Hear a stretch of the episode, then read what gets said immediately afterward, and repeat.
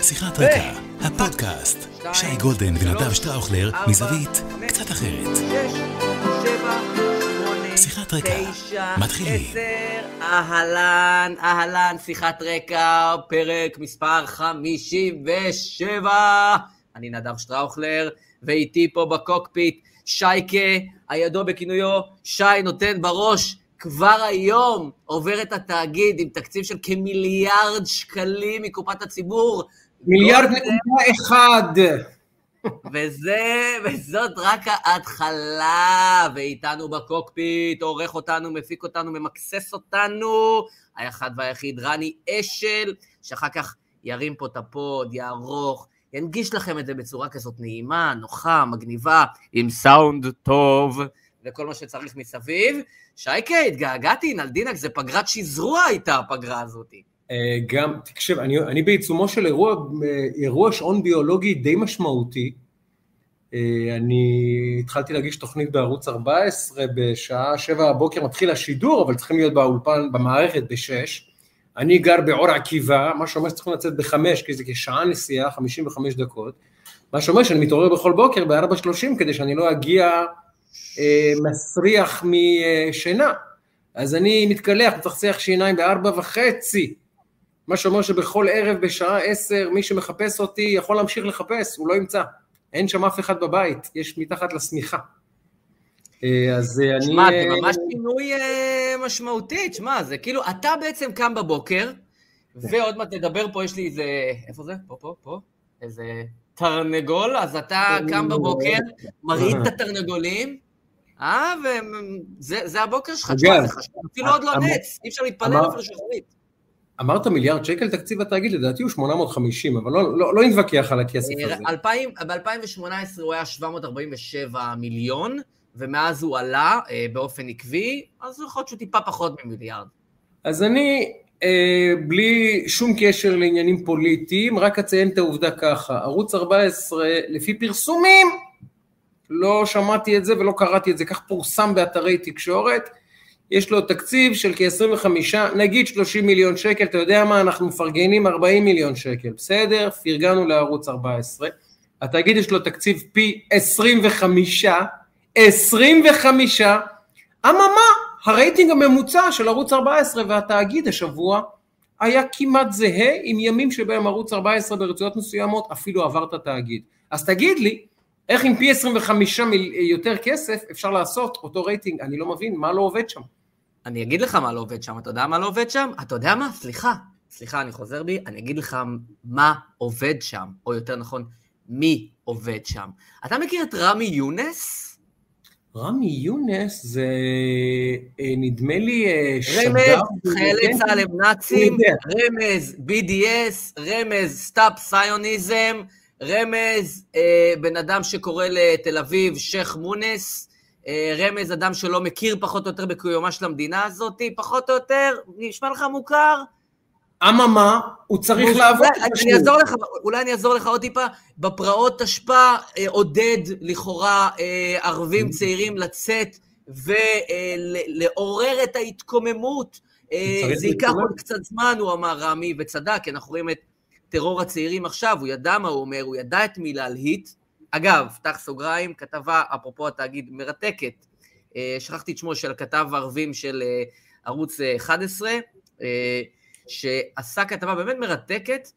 אה, מדהים לראות את הכתבה שהייתה ב-12 והכתבה ב-11, הכתבה ב-12 אה, של מיודענו כתב לענייני ערבים, וברח לי כמובן שמו, אה, אוהד חמו, שראיין הרבה מאוד אנשים, בעיקר מבוגרים, שאמרו אנחנו נגד העניין הזה של טרור הסכינים ונגד זה. לעומת זאת ב-11 הוא ראיין, והוא אמר שזו הייתה כתבה מטלטלת עבורו, הרבה מאוד צעירים, בפנים גלויות, אומרים, סבבה לעשות פיגועים, סבבה לרצוח את היהודים, זאת לא המדינה שלכם, תעופו מפה. פשוט ככה, בפנים כתבה מטלטלת ומרתקת, אז, אז זה מדהים שאותה כתבה נמצאת באותה פלטפורמה של התאגיד, של מכאן, כאן בערבית, שבה משדר אותו רמי יונס, שעודד בפרעות את הערבים להתקומם, שתומך BDS, שקרא לחיילי צה"ל נאצים, אותו רמי יונס שמשדר, הוא כן עובד, שאלת מה עובד, רמי יונס כן עובד בתאגיד, אלפי פניות כבר נשלחו, והוא ממשיך, משדר על חשבונך, אדון שי, על חשבונך. זו בדיוק הבעיה. כי, כי כאשר זה גוף תקשורת פרטי, חופש הביטוי קודם לכל, ואנחנו, עד כמה שהדברים האלה גורמים לנו להקיא, ממש להקיא, אם אתה אדם פרטי שיש לו תחנת תקשורת ואתה רוצה לתת לאדם הזה פתחון פה, אהלן וסהלן, תהיה בריא. אבל אם אתה גוף ציבורי, ואת הכסף הזה כבר אתה ואני מוציאים מהכיס שלנו, ואת הכסף הזה מתחלק בין תקציב הביטחון לתקציב החינוך, לתקציב הבריאות, לתקציב הרווחה, לרמי יונס, אז זה קצת פחות טוב כבר. זה כבר בעיה. פה מה שנקרא, יש לנו בעיה, והעובדה שהתאגיד פשוט מצפצף ומסתתר מאחורי כנראה חופש ביטוי, היא בדיחה.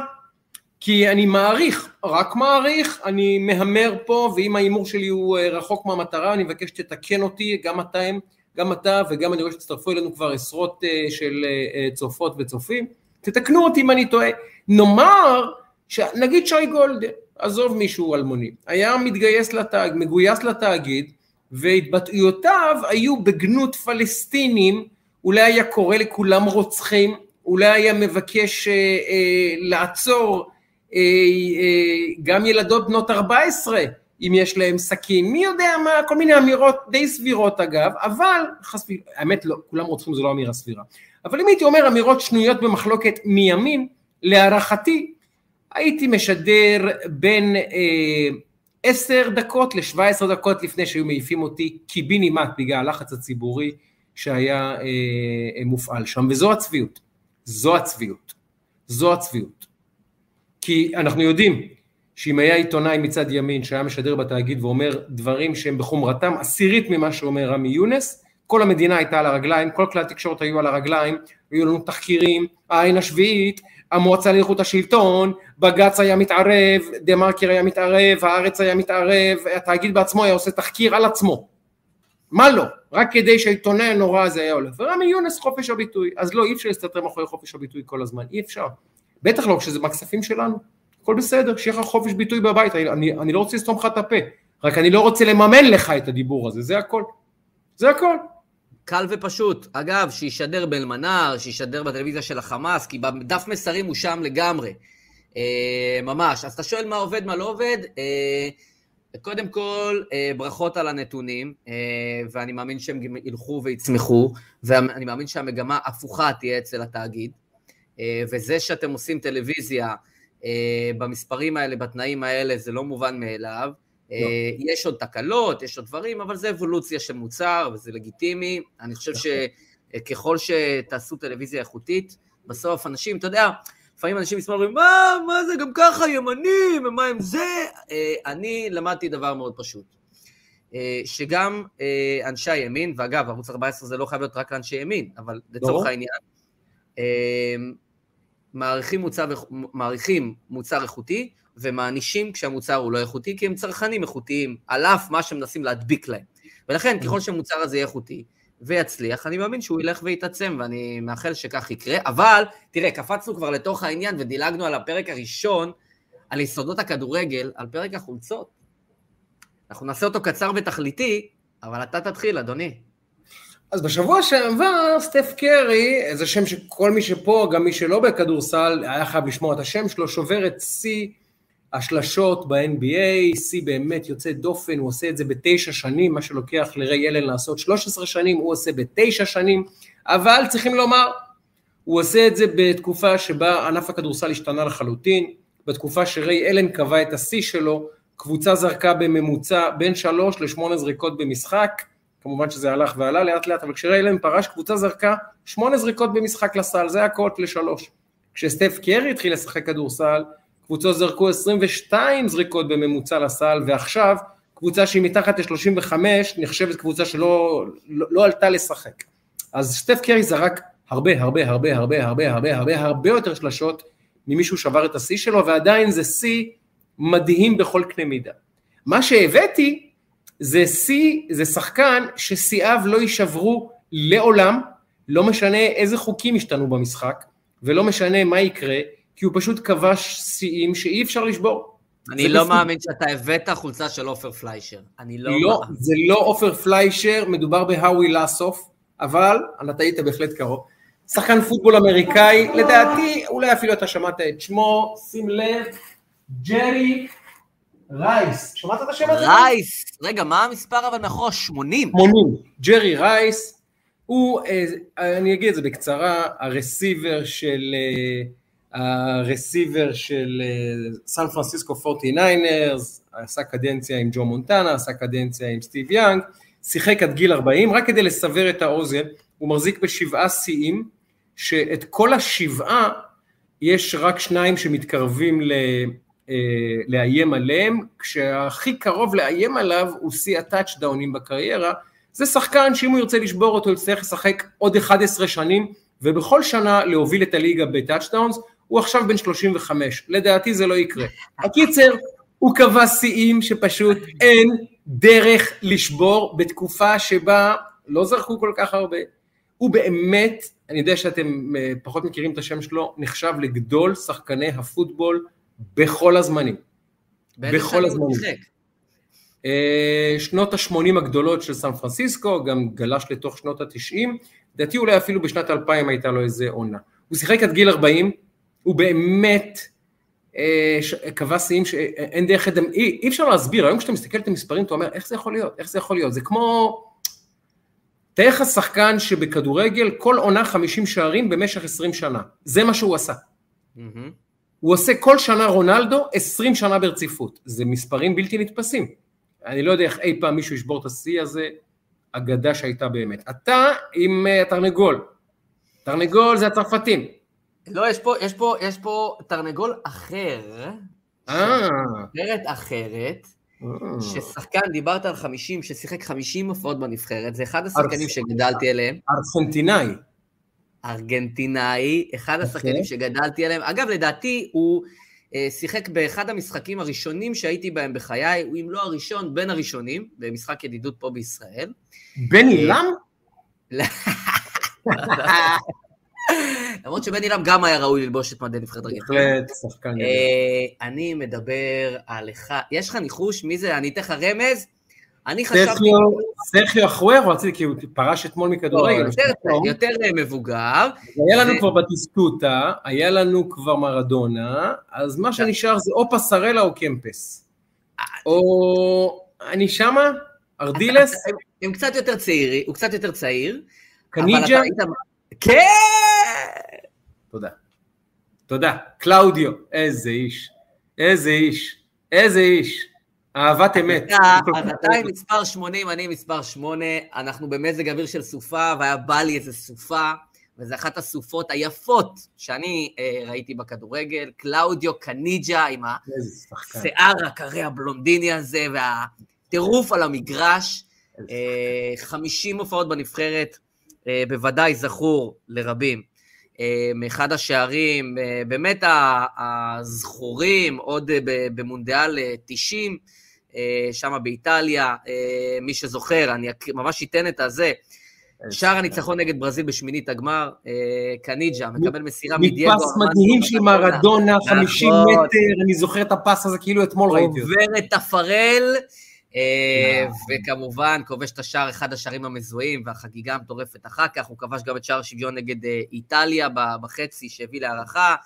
כן. אה, אחר כך המשיך בקופה אמריקה בצ'ילה, ב-98 הוא רב עם אותו פסרלה שדיברת ולא זומן, ובאמת, אחד מהשחקנים שכל מי שיש לו תשוקה לכדורגל, וחי באותם שנים, זה, היו הרבה שחקנים, אבל קלאודיו קניג'ה זה משהו שנתפס לך בתודעה. עכשיו נשאל אותך שאלה שאי אפשר לענות עליה, אבל תצטרך בכל זאת לענות עליה, כי זה המשחק. תן לי את זה. מהבטן, בלי לחשוב, יש לך מקום למספר 9-1 בהרכב, האם זה יהיה באטי גול או קניג'ה? אחד, מספר 9. באטי גול. יאללה. כן, אבל בלב כבד, אבל, אבל באטי גול בשבילי הוא... מעניין. אגב, הם שני שחקנים שמזכירים אחד את השני במידה נכון, מסוימת. נכון. הם אה, קצת טנקים, בכלל, הארגנטינאים, היה להם כמה טנקים, גם הרננדז, נכון קראו לך, איך קראו לו, הרננדז? היו שם כמה טנקים נכון. בשפיץ. גם קמפס, אגב, היה סוס, מי שזוכר את קמפס, היה סוס, היה חיה.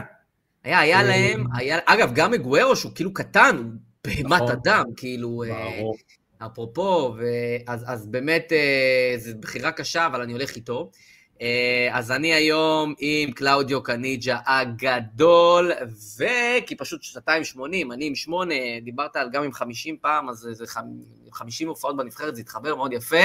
אני חשבתי בראש שלי על הסופה, וזה אחת הסופות היפות שנתקלתי בהן. ויש לנו אה, הרבה על מה לדבר. אה. רק אני, אני רק אגיד, תסתכל, בני, בני ביטון כותב לנו פה, צרות של התקופה, זה, ביניכם לבין ברדוגו ברקע, אה, שרון גל, ב, ב, ברדוגו בגל"צ מן הסתם, שרון גל ב-13 ואנחנו פה.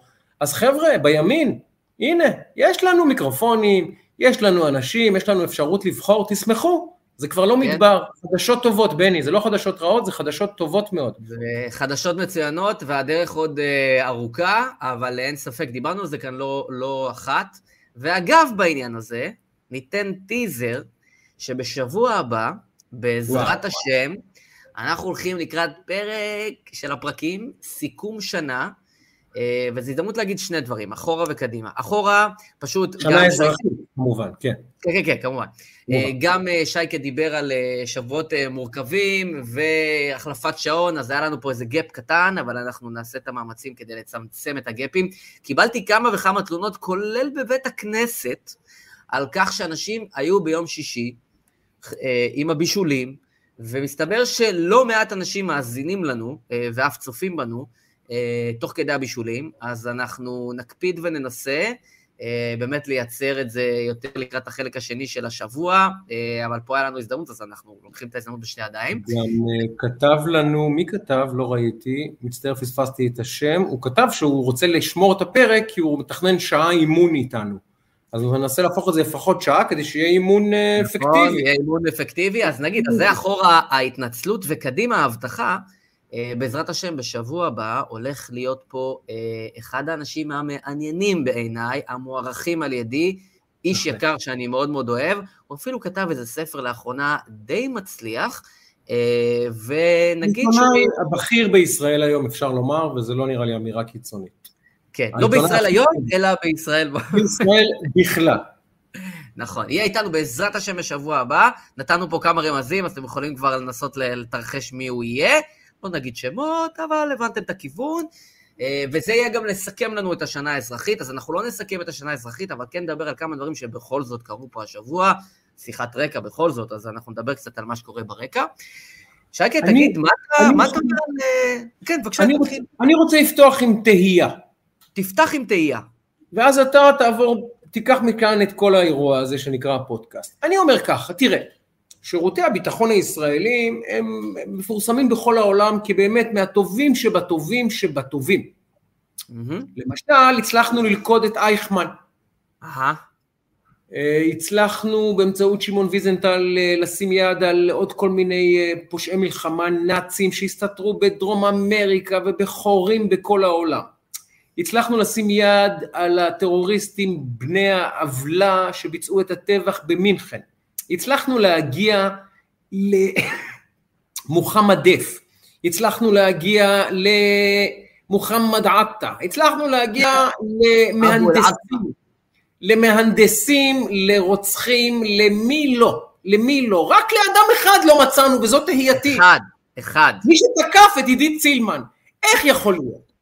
שכל שירותי הביטחון, היכולות המדהימות שיש לשירותי הביטחון הישראליים, המשטרה, המוסד, 8200, אמ"ן, שב"כ, יחידות אפורות, יחידות לבנות, יחידות כחולות, יחידות צהובות, יחידות שהן בעצמן לא יודעות על קיומן מפעילה ישראל, ואף אחת מהן לא הצליחה לאתר את הפושע המתועב שתקף את עידית סילמן. אני רואה בזה כשל אמיתי של מערכת הביטחון.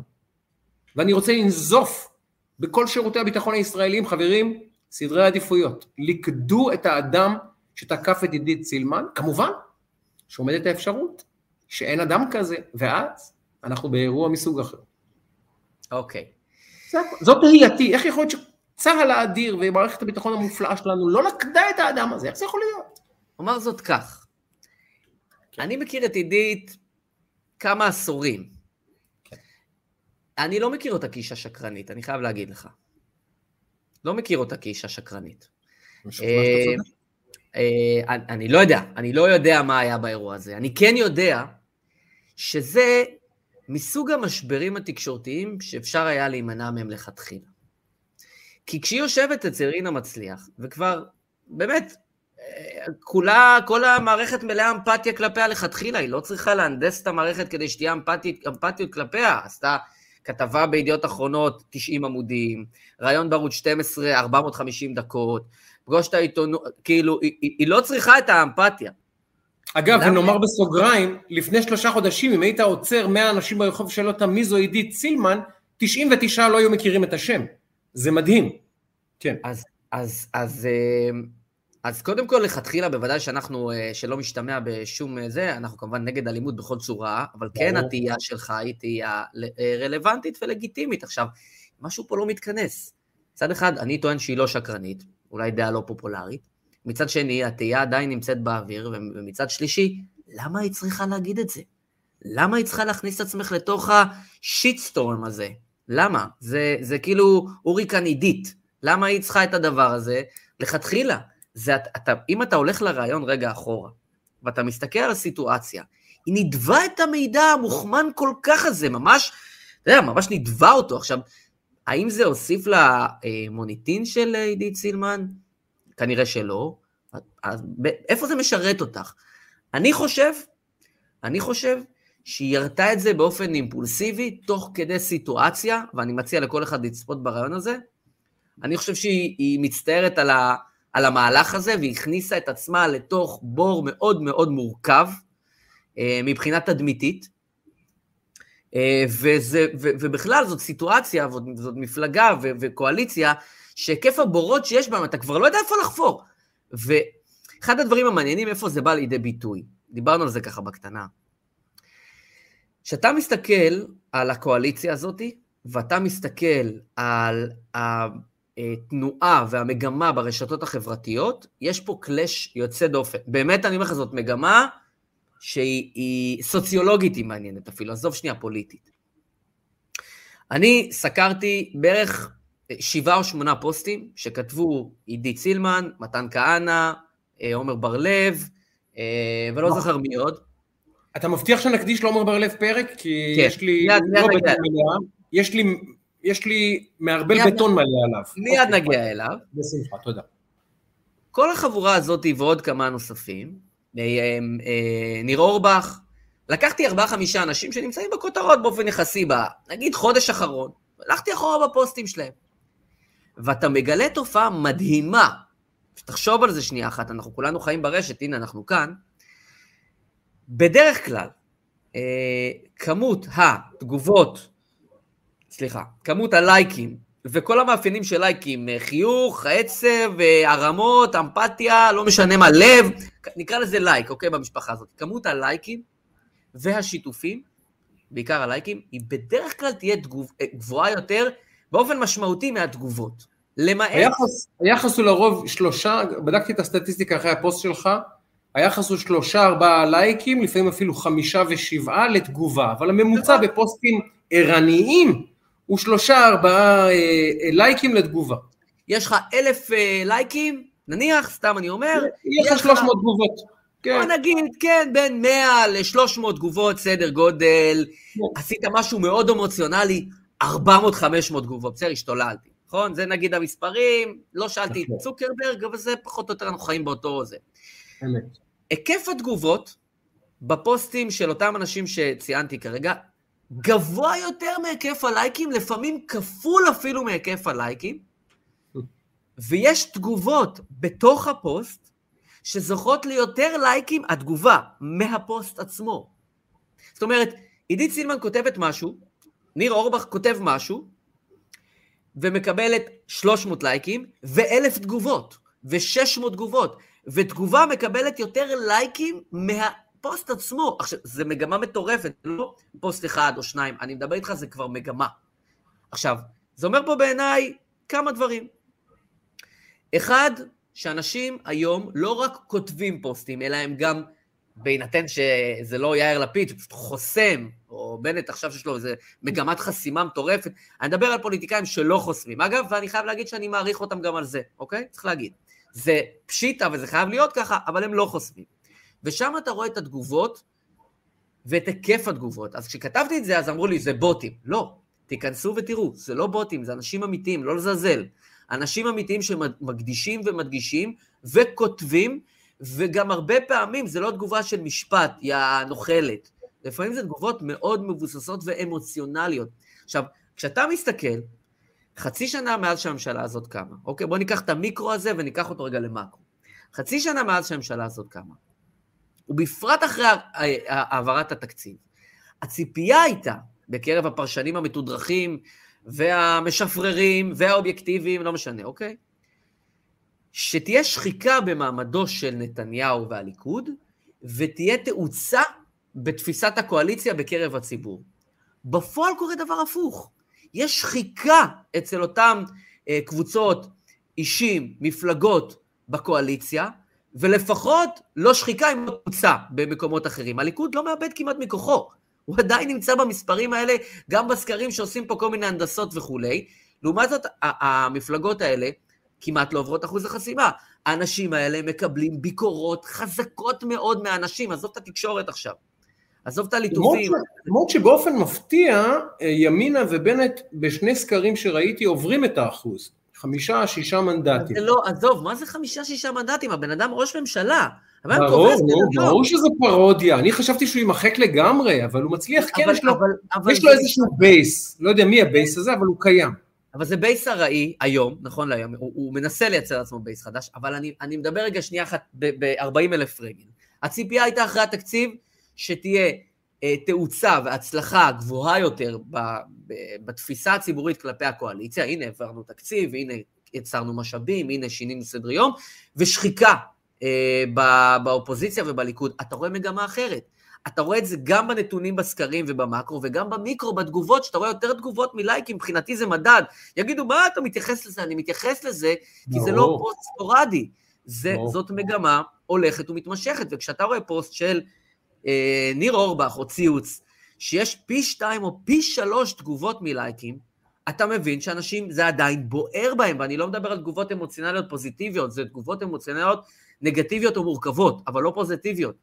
וזאת בעיניי מגמה אה, מאוד מעניינת שכדאי לשים אליה לב. אז אני רוצה לעבור מנושא הזה לנושא דומה ולסיים בשאלה, יש לי הערה ושאלה. כן. אה, טובה שלנו, טובה שטראוכלר האגדית, מספרת לנו שגם היא נקראה בוט, כי התשובה לא התאימה לתומכי מישהו, אז מיד קוראים לך בוט. אה, אני לא כן. בוט, נדב, אתה יש לך חזות של בוט, אבל אני קשה עכשיו... אולי ישנו לה שם בשם, במקום טובה לבוטה. בוטה, בוטה שטראוכלר. אני אקרא לה בבית, אני אבדוק את זה.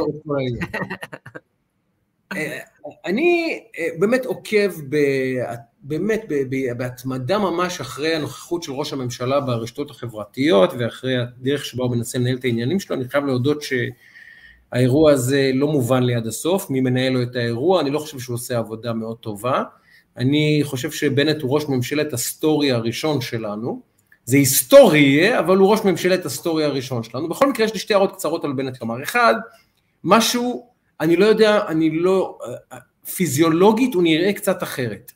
הוא נראה, או שהוא מאוד מאוד העלה במשקל כתוצאה מאוכל ולא יודע, מחוסר מנוחה, הוא נראה לא טוב, הוא נראה לא עצמו. עכשיו אני מבין שעם המש... התפקיד בא כמובן עומס ובא, זה ברור.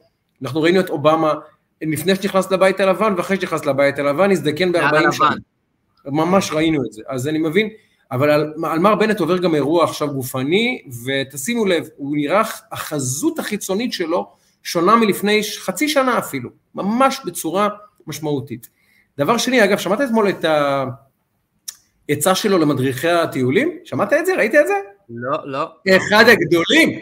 אני ראיתי מה עופר חדד שאל אותו, זה גם מעניין, אבל והוא בעונה. אז שואל אותו, מי שזה לא יהיה, זה לא היה... מסיבת עיתונאים, אני לא זוכר מה היה האירוע, אולי איזה אירוע, כנס, לא יודע מה. לא, היה מסיבת עיתונאים בשעה שמונה בערב. אז אומרים לו משהו על, איך קוראים לזה, על אה, העצה של מר ליברמן, הרי אומרת מרב מיכאלי, להזכיר לכם למי ששכח, יושב ראש מפלגת העבודה, יש להקריב את ענף התיירות על 230 אה, אלף העובדים שבו. בסדר מרב, הכל בסדר. זה התחבר לקו של ליברמן בהיבט הזה. ושר האוצר אומר, כמובן צריכים, אני מייעץ להם לעשות אה, שינוי מקצועי, החלפת מקצוע. שפה מקצועית. שפה מקצועית, כן. אה, מה שנקרא, לא ידענו אם, אם לצחוק או לבכות. ואתמול מגיע בנט עם הדובדבן, אחד הקטעים הגדולים, אני, אני, אני אשלח לך אחרי זה את, הציוץ בטוויטר עם ההקלטה שזה הגיוני. אומר, אומר אה, בנט, פיצחתי את העניין של מורי הדרך, שים לב, הוא פיצח ראש הממשלה, באמת אתה לא יודע אם לצחוק או לבכות. הוא אומר, תראו, בואו נזכור את כל מורי הדרך המובטלים למערכת החינוך, שיעשו טיולים באנגלית לתלמידי ישראל, וככה תלמידי ישראל ירוויחו גם ידיעת הארץ וגם אנגלית, וגם נוכל לחסוך בהוראת האנגלית, כי יש לנו מורי דרך שילמדו אותם אנגלית בשבילי ישראל, מה יותר טוב מזה? אני לא צוחק, הוא אמר את זה. אמריקה.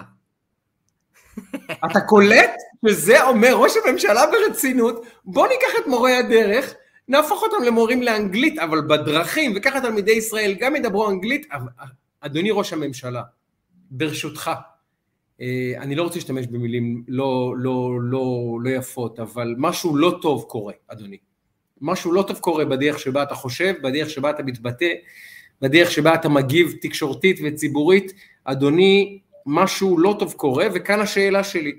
קראתי כתבה, לא זוכר איפה זה היה כבר, ששמרית מאיר, שאותה אני מכיר קצת, והיא אישה מאוד אינטליגנטית ומאוד מוכשרת ובעלת יכולות גבוהות, הייתה פרשנית לענייני ערבים, אישה ידענית גדולה, הפכה ליועצת הכי קרובה למר בנט עכשיו. קראת את זה בידיעות אחרונות ביום שישי לא האחרון שעבר. בידיעות. והיא אמרה לו, ככה כותב מי שזה לא יהיה, שהם עכשיו מתכננים ביחד אה, מהלך פוליטי שבו בנט בעצם יזלוג אל המרכז. הוא מנסה עכשיו לספוח קהלים מהמרכז, יענו להתח... להתחפש ליאיר לפיד עם כיפה.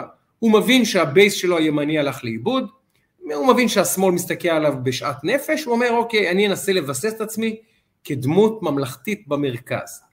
מה אתה חושב על המהלך הזה, אם הוא בכלל בר התכנות, ומה אתה חושב על ה... אתה בכל זאת, למי שלא יודע עדיין, נדב הוא באמת אחד מבכירי יועצי התקשורת בישראל, גם יועץ, אה, אה, יועץ פוליטי ברמה מאוד מאוד גבוהה. שמח לשמוע את שני הסנט שלך למהלך הזה של שמרית מאיר ובנט. א', אני לא יודע אם זה המהלך שלהם, זה פורס, כאילו דובר שזה לפי, המהלך שלהם. לפי הפרסומים. כן. אני חושב שזה מהלך שנידון להיכשל במאה אחוז. אני אגיד לך אוקיי. גם למה. כי כשאתה נכנס למשבצת שיש בה, אתה עכשיו אה, רכז, אתה רוצה להיכנס לקבוצה, ויש בה אה, שישה רכזים, וכולם מועדפים. עכשיו, יכול להיות שכל השישה ייפצעו. זה יכול לקרות, זה קורה פעם באף פעם, וגם לא קורה, אבל נניח, אבל סביר שזה לא יקרה. אה, אתה יודע, בפוליטיקה יש, יש בריכות, אה, ו, וזו בריכה מלאה עד 0.0 מקום, והערך המוסף של אה, בנט שם כמעט לא קיים. עכשיו, זה נחמד לסקרים, זה נחמד עכשיו כי הוא בפוזיציה, אבל בוא ניקח סיטואציה שהממשלה הזאת ממלאת, משלימה את ימיה, או לפחות כמעט, אוקיי? יהיה חילופי שלטון בעוד שנה וחצי, ואז נפתלי בנט הופך מראש ממשלה כמעט לתפקיד נטול סמכויות, שוב, זה, זה, זה, זה הדיל, ואז יש לו להעביר שנה ויותר אולי במדבר, כשעל המשבצת הזאת יש שחקנים שהם כבר קיימים, כבר יש להם קהל, לא גדול, כי בסוף אנחנו יודעים את המספרים, רוב הציבור... רגע, אתה מחשיב את מי במרכז? לפיד כמובן, מי? סער? מי מרכז את עצמו? כן, כחול לבן, אה, ששם כן. דווקא אתה אה, רואה נכון. את בני גנץ, דווקא שהוא עושה את המהלך הזה ועושה אותו בתבונה. אם כבר מישהו עובד על קולות מרכז, והוא גם בעל פוטנציאל לקבל קולות מרכז, וגם הוכיח את זה ברמת יישום במערכת הבחירות האחרונה, זה בני גנץ. שאם תסתכל על ההתנהלות הפוליטית שלו, שאני חייב להגיד לך שהיא על ידי לפחות היא מוערכת, לא ברמה האידיאולוגית, ברמה הפוליטית. עובד יפה. הוא עובד נכון, הוא בפוזיציה שהוא יכול לשלב את תפיסת עולמו לעומת התפקיד שהוא ממלא, והוא עושה את זה בצורה די טובה, יש לציין. יאיר לפיד, שנמצא, לצורך העניין, אם אפשר לצייר את זה, מימין למפלגת העבודה ולמרץ, אז, אז יש משמאלו, משמאלו ויש מימינו. אה, גדעון סער, שהוא טיפה יותר ימינה מהמרכז, אבל הוא לא ימין ימין, בטח בהתנהלות שלו, כמו שאנחנו רואים, בסוגיות שהן רלוונטיות לימין הישראלי היום, כמו מערכת המשפט וכן הלאה. ולכן זה, זה אזור, זאת ביצה מלאה. ואם הוא באמת ילך על המהלך הזה עד הקצה, אני משוכנע שהוא יפסיד, כי... כי ואם הוא יביא, אם הוא יביא מה שיהיה מכונה הישג היסטורי, כלשהו, לא משנה מה, משהו שהוא יוכל למתג כהישג היסטורי, עד כמה זה יעזור לו? קודם כל, הוא יהיה חייב לייצר הישגים היסטוריים. כן. לא בטוח שהוא יוכל להצליח לעשות את זה, אבל כדי לשרוד הוא יצטרך להביא דברים מאוד משמעותיים שכרגע קשה לראות, כי הוא נמצא, וזה מוביל אותנו כבר רגע לנקודה של בר לב, כי אני, אני רגע אבנה לך את החיבור בין הדברים, כי בעיניי הוא קיים. דיברנו על זה שיש שתי ממשלות. אה, ממשלה אחת, שהיא ממשלה שהיא על הבט"ש, היא על השוטף, היא מנסה לשרוד את היום-יום, וזה הממשלה של נפתלי בנט. הוא נמצא במשחק של הישרדות, הוא בקושי מצליח להרים את הראש. אה, והמצב שדיברת עליו, אני לא יודע מה מצבו הפיזי ואני מאחל לו בריאות ואריכות ימים, אבל אין ספק... תסתכלו על בנט, רק תסתכלו עליו פיזית, לא, לא בעיניים שיפוטיות ושונאות, תסתכלו ותגידו משהו פיזית השתנה בו ולא לטובה. אני אומר את זה בעדינות כי אני, אני לא רוצה לרדת בשום צורה למקום לא יפה, משהו פיזי עובר על האיש הזה, אני מאחל לו בריאות מעומק הלב, משהו לא טוב קורה שם. אז הוא נמצא ממש במשחקי הישרדות יומיומיים, כן. כל היום באים לו מימין ומשמאל ומכל הכיס, באמת ממשלה שאי אפשר, אי אפשר, אין, זה בלתי אפשרי, מרחב התמרון שלך הוא אפס. ובא אלי אבידר, או בא יפעת שאשא ביטון, או בא עכשיו מישהו מרע"מ, או בא כל אחד, ואתה, אין, אין לך מנוף, ולכן הוא נמצא במשחקי הישרדות. ובצד, ולצד זה, יש, מערכת הביטחון, דיברת עליה, אז יש לה אה, שני מצבי צבירה, חוץ מכאילו הגנה, וזה יש לה בט"ש, הביטחון השוטף, ויש לה התעצמות. זה שני התקציבים המשמעותיים של המערכת, בנייה ושוטף. בצד השני, יש פה את ממשלת יאיר לפיד, שזאת ממשלת התעצמות, זאת ממשלה שנבנית. דיברנו על זה בעבר, שהוא בונה את הקדנציה שלה, אה, שלו, והוא בונה אותה יפה, והוא מוביל את הקו המדיני החוצה, כי יש לו זמן, כי הוא בונה את הדברים, והוא לא מתעסק עם הכאן ועכשיו, הוא מתעסק קצת, אבל הוא לא מתעסק עם הכאן ועכשיו. הכאן ועכשיו המרכזי שלו זה מינויים, וזה לא משנה אם זה דודה שלו, אחות שלו, הגיסה שלו, החמות שלו, הסבתא שלו, הבת דודה שלו, הוא עובד על זה כדי לבנות, זה עכשיו, כדי לבנות את המהלכים הבאים, כלפי הצד המדיני, ובצד הפנים, בתוך המדינה, מי שמוביל כרגע ומתווה את הקו, זה עמר בר-לב. וזה חידוש של החודשים האחרונים, כי, של השבועות, סלש החודשיים האחרונים, כי הסוגיה המשמעותית שבה אנחנו נמצאים היום, ואתה מסתובב בירושלים, אנשים מסתכלים מאחורי הגב שלהם, היא סוגיית ביטחון הפנים. בטח אחרי הפרעות ובטח אחרי הדברים האלה, ולכן בנט, אה, בנט ושקד ואנשיו מתעסקים עם הכאן ועכשיו מנסים לשרוד, בעוד שמי שמנהל את המדינה החוצה לשנה, שנתיים, שלוש הקרובות זה יאיר לפיד, ומי שמנהל דה פקטו את המדיניות פנימה זה עמר בר-לב. אז יש פה שתי ממשלות, אחת שמנסה לשרוד את היום, והיא לא יכולה, כי היא מנסה לשרוד את היום, והשנייה שמתעסקת בהתעצמות ומתעסקת בעתיד של המדינה, כפי שהיא רואה אותה, כפי שעמר בר-לב רואה אותה, שבמי שצריך להתנהל ולהיאבק ולהציף כלפי אה, גורמי החוץ החשובים, אלה המתנחלים. איתם צריך להתנהל. כשבר-לב אומר, אחרי פגישה שלו עם תת מזכיר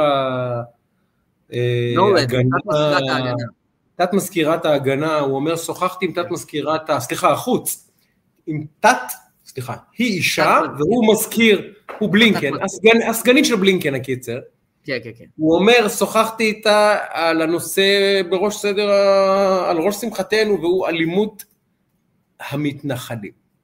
איך ראש הממשלה, איך ראש הממשלה, עזוב שנייה בנט, עזוב שהוא היה יו"ר מועצת יש"ע, עזוב שהוא הולך לבית כנסת, ש-90% מהאנשים שם ההתנחלות קרובה אל ליבם באופן רגשי ועמוק. עזוב את זה. כראש ממשלה, אתה לא אומר לשר לביטחון פנים, תגיד, גבר, באמת? אתה עכשיו לא חבר כנסת זוטר במפלגת העבודה. אתה לא איזה מישהו מהספסלים האחוריים באופוזיציה, אתה השר לביטחון פנים, וכשאתה מצייץ בטוויטר הרשמי שלך, הנושא ששיחקתי עליו עם הנציג הרשמי של ממשלת ארה"ב שהגיע לפה, לא דיברתי עם חבר לבית קפה, זה מה שאנשים לא מבינים בציוץ הזה.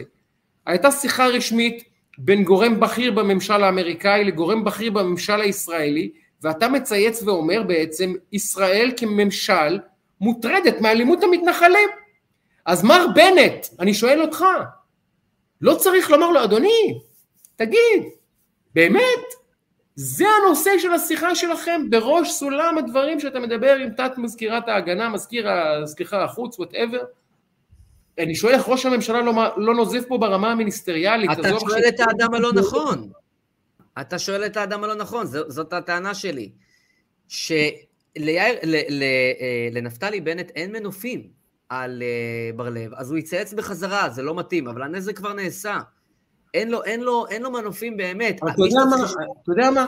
אז בוא נלך על פוקר השקרנים הזה שכולם משחקים, כי זה מעניין. אה, את השאלה, רק, ש, רק זה, את השאלה אתה צריך לשאול את יאיר לפיד, כי אלה שני אנשים היום שמנהלים את המדיניות של מדינת ישראל כלפי פנים וכלפי חוץ. דה פקטו. מוסכם.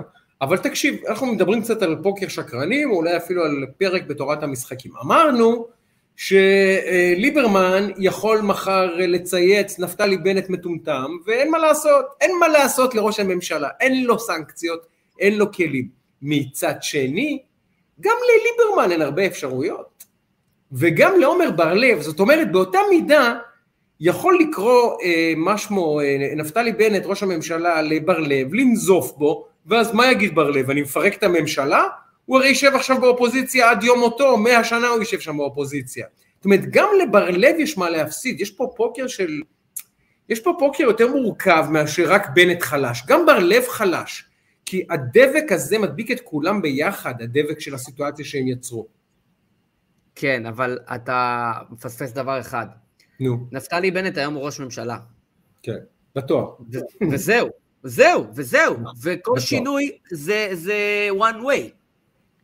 אז בפוקר הזה, השחקן הכי, במרכאות, בהיבט הזה, חלש על המגרש, זה הוא, כי אין לו מנוף אמיתי. יש לו הכי הרבה מה להפסיד. אבל הוא יכול להגיד, אבל הוא יכול להגיד להם, אתם יודעים מה?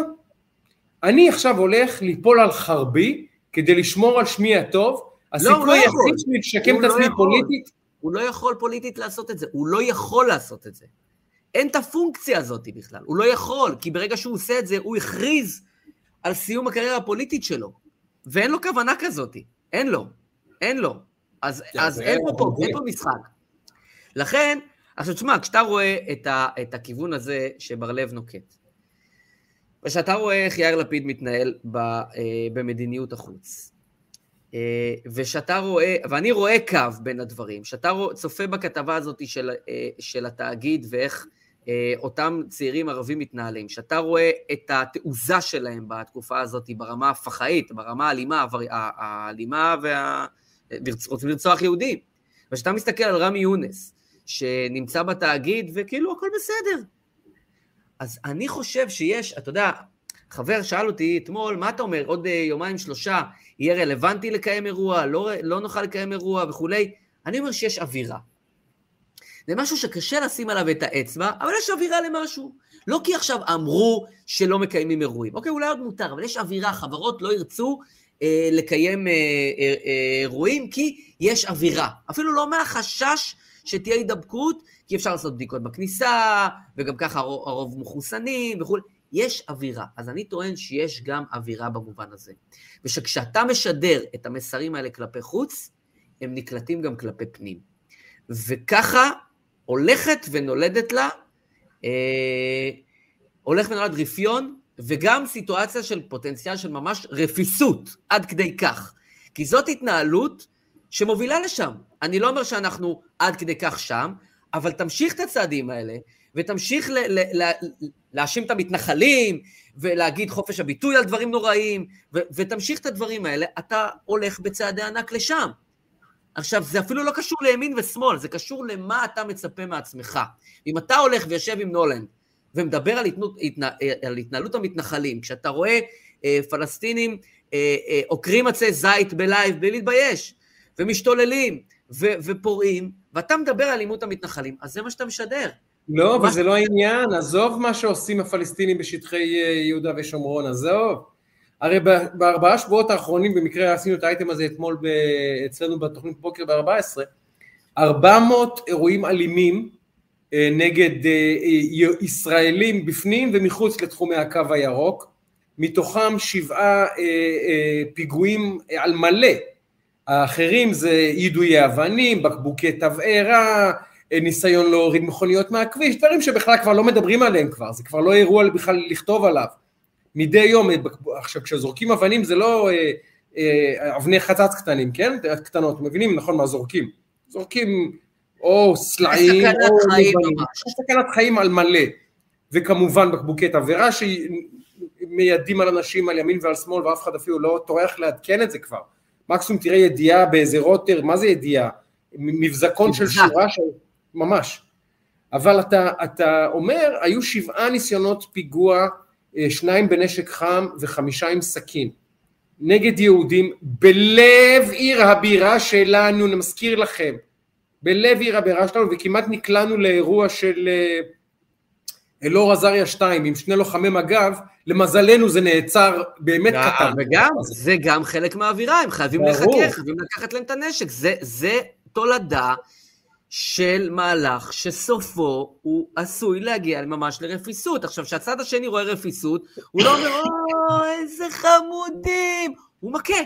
וכשאתה נכון. מצד שני, אגב, היה דבר מדהים, אתה יודע מה אמרו אותם אה, חבר'ה בני 35, 40, קצת יותר מבוגרים, בכתבה הזאת, ב, אה, שכתב ענייני ערבים של 11, שכחתי את שמו, סליחה, שדיבר, מה, מה, מה הקצת מבוגרים יותר אמרו? אמרו, תגיד, אתה רוצה שהילדים שלך יהיו מחבלים? אתה רוצה שהילדים שלך ירצחו יהודים?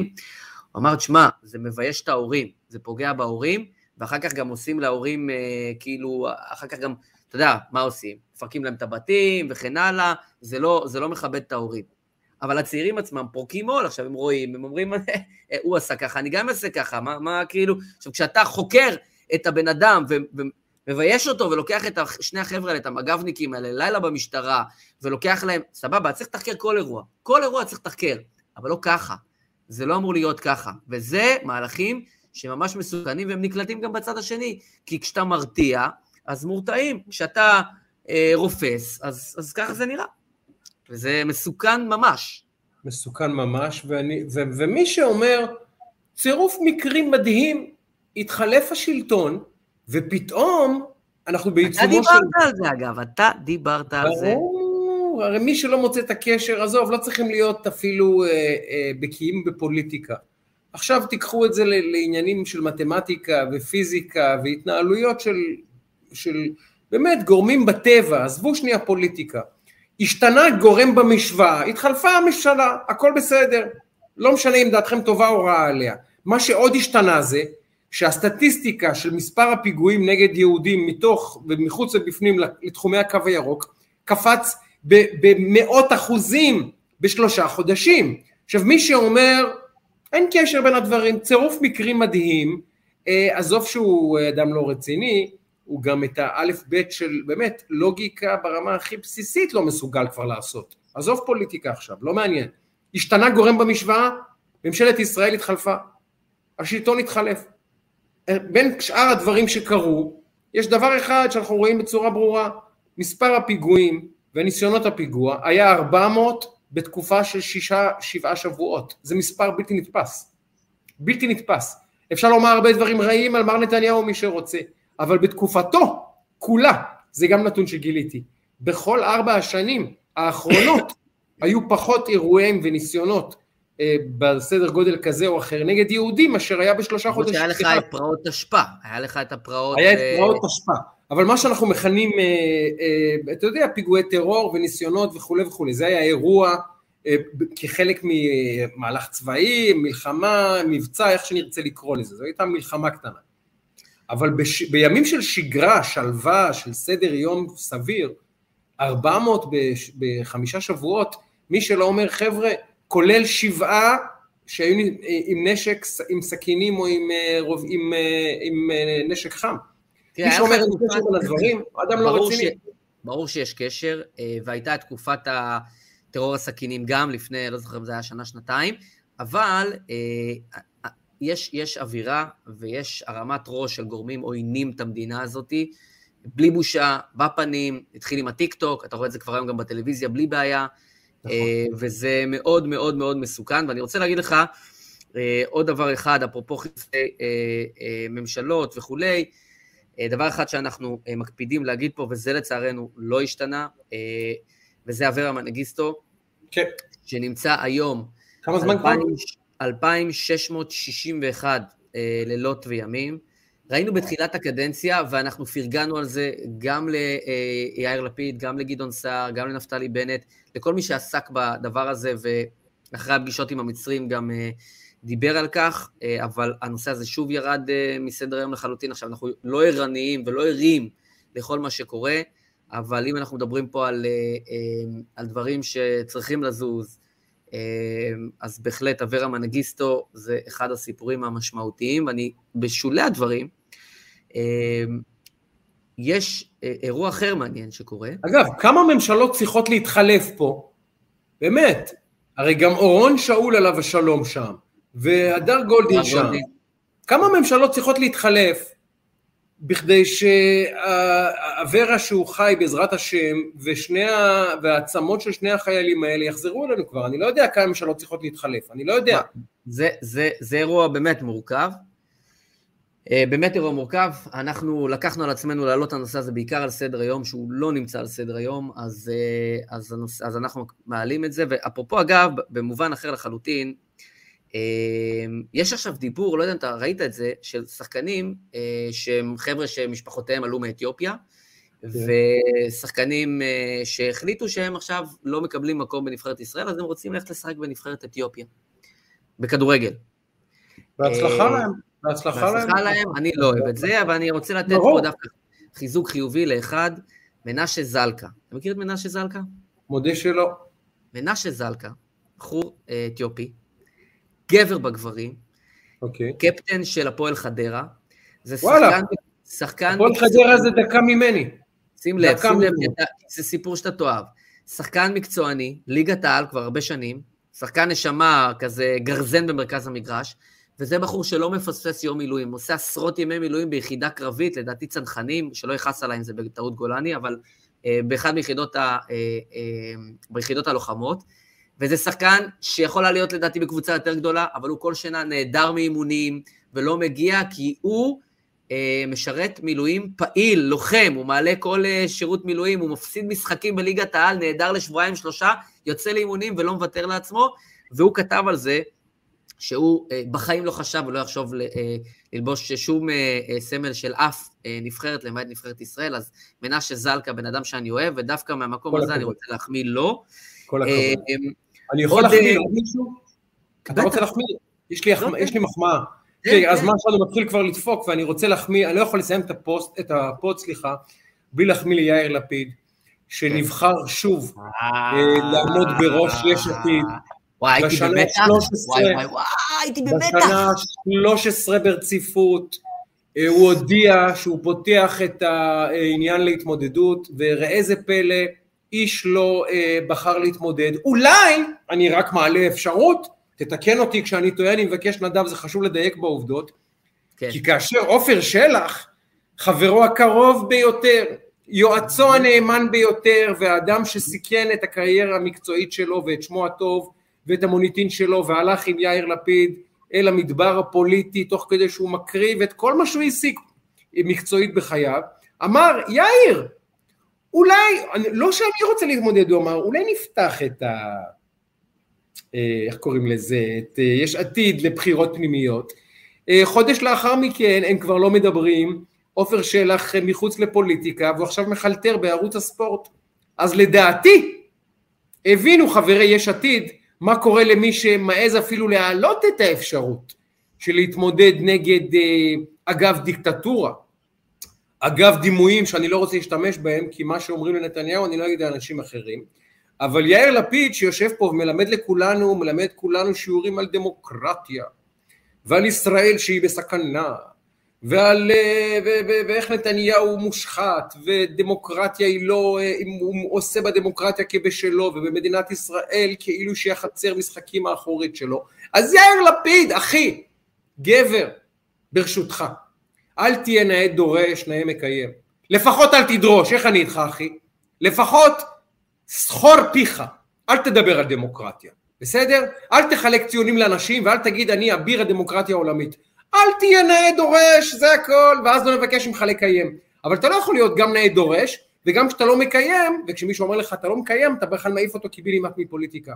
יאיר לפיד, הצביעות שלך עם צדיק רב, רבתי, יש לה גודל שיכול באמת את כל עזריאלי עם הצד צדיק של אה, צה"ל, שבו הוא שירת, ואפילו אה, נורא, נורו עליו טילים בלבנון, כך לפי מה שהוא לא זוכר שהוא אמר, אם, אני זוכר נכון. אגב, את עדי קול אתה מכיר? חברת הכנסת לשעבר עדי קול. אני מכיר, אה, זאתי שהעזה לומר לו מילה ופוטרה, נבעטה בראש, מה שנקרא. בדיוק. נכון? שמע, זה, אני חייב להגיד לך שאני הייתי במתח אדיר, כי בינואר 2012 ייסד יאיר לפיד את אה, מפלגת יש עתיד, ואני הייתי ממש במתח, אני כמעט לא ישנתי בלילה, אה, על השאלה הרת הגורל. האם יאיר לפיד אה, אכן יזכה לכהונה נוספת בראשות יש עתיד. אני יודע שהשער בלאס וגאס, שער ההימורים היה מאוד מאוד... היה בטירוף, טירוף, טירוף. זה גם השפיע על הביטקוין ועל המדדים ועל הנסדק. ללא ספק, ללא ספק. העולם זה... כן. אתה רוצה לתת איזה שאלה שתיים מה, מהצ'אט שנדון בהם, אה, מה live כזה שנדון בהם לפני שאנחנו נכנסים? יש פה, יש פה אין ספור אה, שאלות. תבחר, אני לא רואה פשוט, אז תבחר אתה. אה, התייחסויות, אה, בוא נראה ככה. אה, יש לנו פה יהודי שאמר לנו מה שמו של המשיח. אנחנו... אה, אה, גבי... לפיד יאיר? יאיר לפיד? לא, לא, לא, אה, הרב ניר בן ארצי הוא המשיח, אני אוקיי, אוקיי. אשמח לפגוש את המשיח. מבקשים את התייחסותנו למגפה, לחיסונים, תן לי את שני הסנט שלך, אתה רוצה שאני אפתח בשני הסנט שלי? פתח, בטח. אני אומר ככה, הקורונה היא הרבה יותר מאשר אירוע רפואי אישי. היא, אה, היא הופכת להיות עניין קהילתי, גם בעולם, ובטח בכל מדינה ומדינה. והקהילה עצמה צריכה להתגונן. ואנחנו נמצאים בעידן שבו הרבה אנשים אה, מעמידים את עצמם לפני הקהילה, וזה העידן שבו אנחנו נמצאים, אני לא מבקר את העידן, אבל זה העידן שבו אנחנו נמצאים. וכל עוד לא תיווצר מסה קריטית אמיתית של אנשים שמעמידים את עצמם לפני, זאת אומרת, את הקהילה, סליחה, לפני עצמם, אנחנו לא נצא מהקורונה הזאת. עכשיו, אני לא אשקר, אם מחר מר בנט יגיד תתחסנו חיסון רביעי, אני אגמגם, אבל אני אתחסן. ואני אגיד עוד יותר, גם אם בעוד שלושה חודשים הוא יגיד תתחסנו חיסון חמישי, וזו החלטה של כל גורמי המקצוע, אני אבלע את הרוק בקושי, אבל אני אתחסן. כי אני מעמיד את הקהילה לפניי, כי אני מבין שאין לאינדיבידואל, לפרט, קיום בלי הקהילה. ואותם אנשים שאומרים אני לא אתחסן כי אני דואג רק לעצמי, למשפחתי ולילדיי, אני מכבד אותם, אבל שתדעו שככה קהילות מתפרקות, זה הכל, זה השני הסנט שלי בנושא. אה, תשמע, אני אדם שבאופן כפייתי נגד כפייה.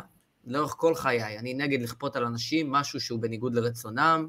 בכל מצב, תמיד הייתי ככה, אני באמת מאמין בזה. אה, לצד זה, אני כמובן התחסנתי ואני ממליץ וממש מפציר באנשים להתחסן. אה, בסוף זה מציל חיים ומציל את הסובבים. אה, אני לא יכול להגיד לך שאני לא אמפתי כלפי אנשים שאומרים, אני לא מעוניין להתחסן, אל תכפה עליי את הדבר הזה. מכבד את האנשים האלה. לא משנה עכשיו מה הסיבותיו. אבל צריך להבין שיש פה כללי משחק, ואנחנו בחברה טולרנטית, חשוב שהיא תהיה, אבל גם יש פה קולקטיב, וצריך לכבד גם את חוקי המשחק.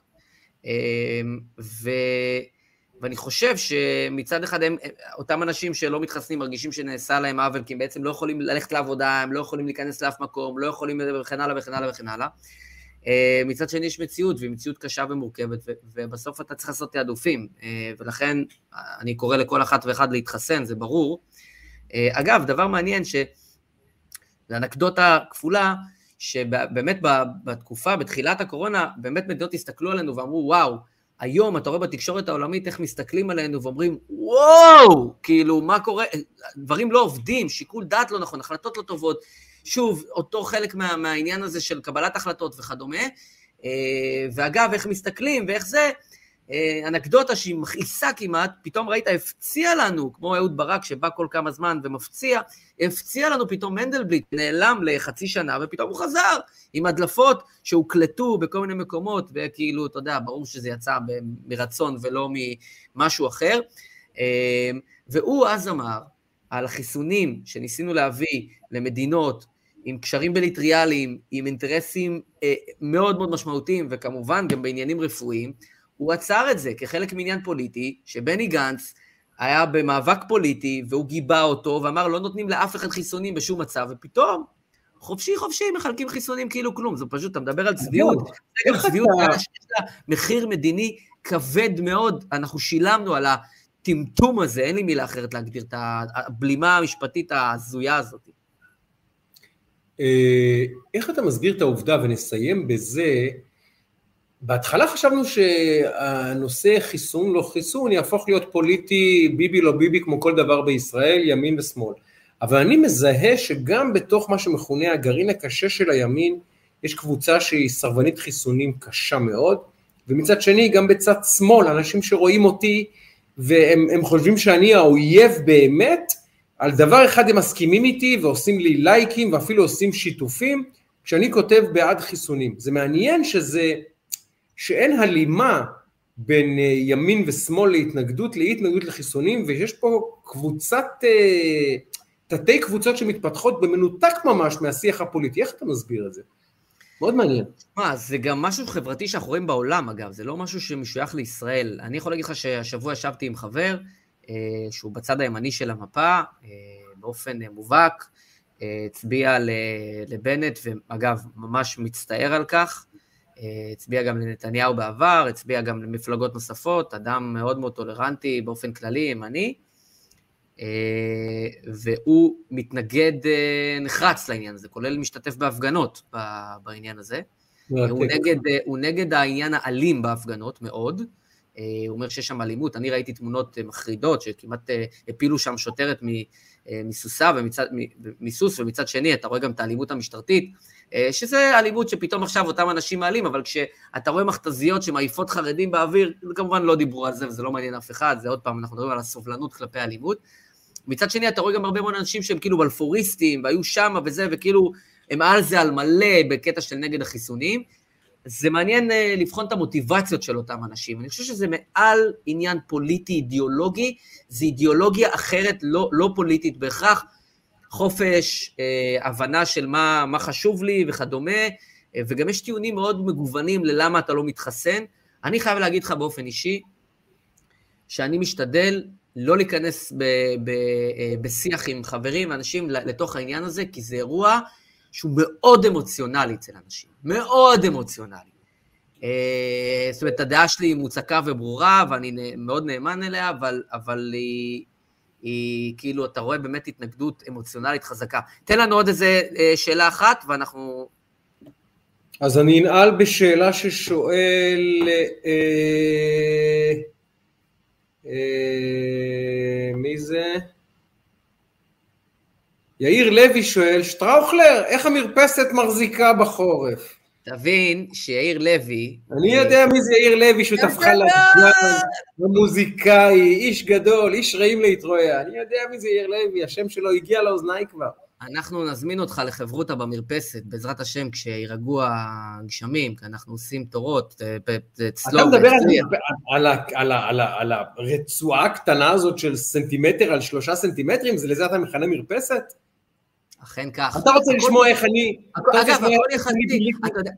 אתה יודע מה זה בשבילי, כאדם אה, צנום עם מטריה קטנה להסתובב ברוחות האלה? אני מרי פופינס, אחי, אני עף באוויר, אמיתי, אני מחזיק, אני שם דברים בתיק, לא לעוף בסיפור הזה.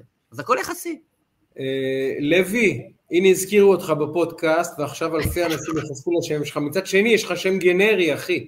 יאיר, אז תעשה שם אמצעים. אבל הוא אדם מאוד לא גנרי, תדע לך. אני יודע שהוא לא גנרי, הוא מוזיקאי, אדם מוכשר, גם אנחנו יודעים שהוא באמת ליבו אה, גדול מאוד, הוא אדם שפוליטיקה לא מנהלת אותו, ואדם שבאמת, אה, ליבו פתוח לכל, לכל אדם ולכל נפש באשר היא. אמת. כאלה אנחנו אוהבים אותו, אבל אה, לוי, אתם שם בתל אביב, אתם לא מבינים מה זה מרפסת. אור עקיבא זה מרפסת. אין ספק שזה רחוק יותר. אבל המרפסת פה, פה יודעים... הוא מזיכרון במקור, זה לא רחוק לו כל העניין הזה. בקצרה שואל אה, שאלה לחובבי הספורט, קודם כל יש פה כמה אנשים שאמרו דווקא תמשיכו עם ספורט, אל תיבהלו, אל תיכנעו אה, לזה. אין לא דווקא, אנחנו ממשיכים, אין פה עניינים. אנחנו, ברור. יש לי גם הפתעה בשבילך בספורט לשבוע הבא, חכה. אה, יפה. רגע, מי זה היה? עכשיו לא, לא נעים לי, כי ראיתי את השאלה שלו וברח לי. אז אני מצטער אם שכחתי את שמך. אה, שואל דניאל לב, בזריזות אבל נדב, מי השחקן ההולנדי שאתם הכי אוהבים? מהבטן, קדימה, בלי לחשוב. וואו, זה לא הוגן, כי אני באמת, יש כמה, אדגר דוידס. אני ביקשתי אחד מהבטן, בלי לחשוב. אז, אז קופץ לי אדגר דוידס, אבל יש עוד הרבה, גם קלרנס סידורף, וכמובן אה, ברגקאמפ, ואן באסטן, דיברנו פה על הרבה אה, אחרים נוספים, רוד חוליט האגדי. אה, אני מאוד אוהב את, את, הכדור, את ההולנדים בכדורגל, כמובן, קרויף, כמובן, שכיכב פה לפני כמה שבועות, אבל קפץ לי דויץ, שזה מעניין. אז זה מה שקפץ לי. אני רוצה לדבר על שחקן בעל אזרחות בריטית, שורשים הולנדים ומוצא הולנדי ועבר ישראלי. גרי ונדרמולן. אה, הולנדי אהופלה, ככה, הנה סגרנו בביתר את העניין. תדע לך שיש, אה, כמובן גרי ונדרמולן האגדי, אגדי, יש, אה, עכשיו ברח לשמור, ראיתי אותו אתמול בלילה משחק בפריס סן ג'רמן, ילד בן 18, נראה כמו ולדרמה, אה, עם, עם אה, כזה טלטלים בלונדינים אה, כאלה. כן, כן, הוא כן. הדבר, הוא ענק, תקשיב, זה ילד כן, מדהים, כן, מדהים. כן, שמעתי עליו גם, איך קוראים לו? שם, זה ברח לי השם שלו, פריס סן ג'רמן. אתמול בלילה הוא כן. שיחק. הוא גם הולנדי במקור, הולנדי, יש לו שם כן. סיפור. נביא עליו איזה גג שבוע הבא, כי באמת... אה, רציתי לשאול אותך לגבי מנור סלומון, אם יש סיבה לדאגה, אבל נשאל אותך בשבוע הבא כבר. לא, לא, אני... אין סיבה לדאגה?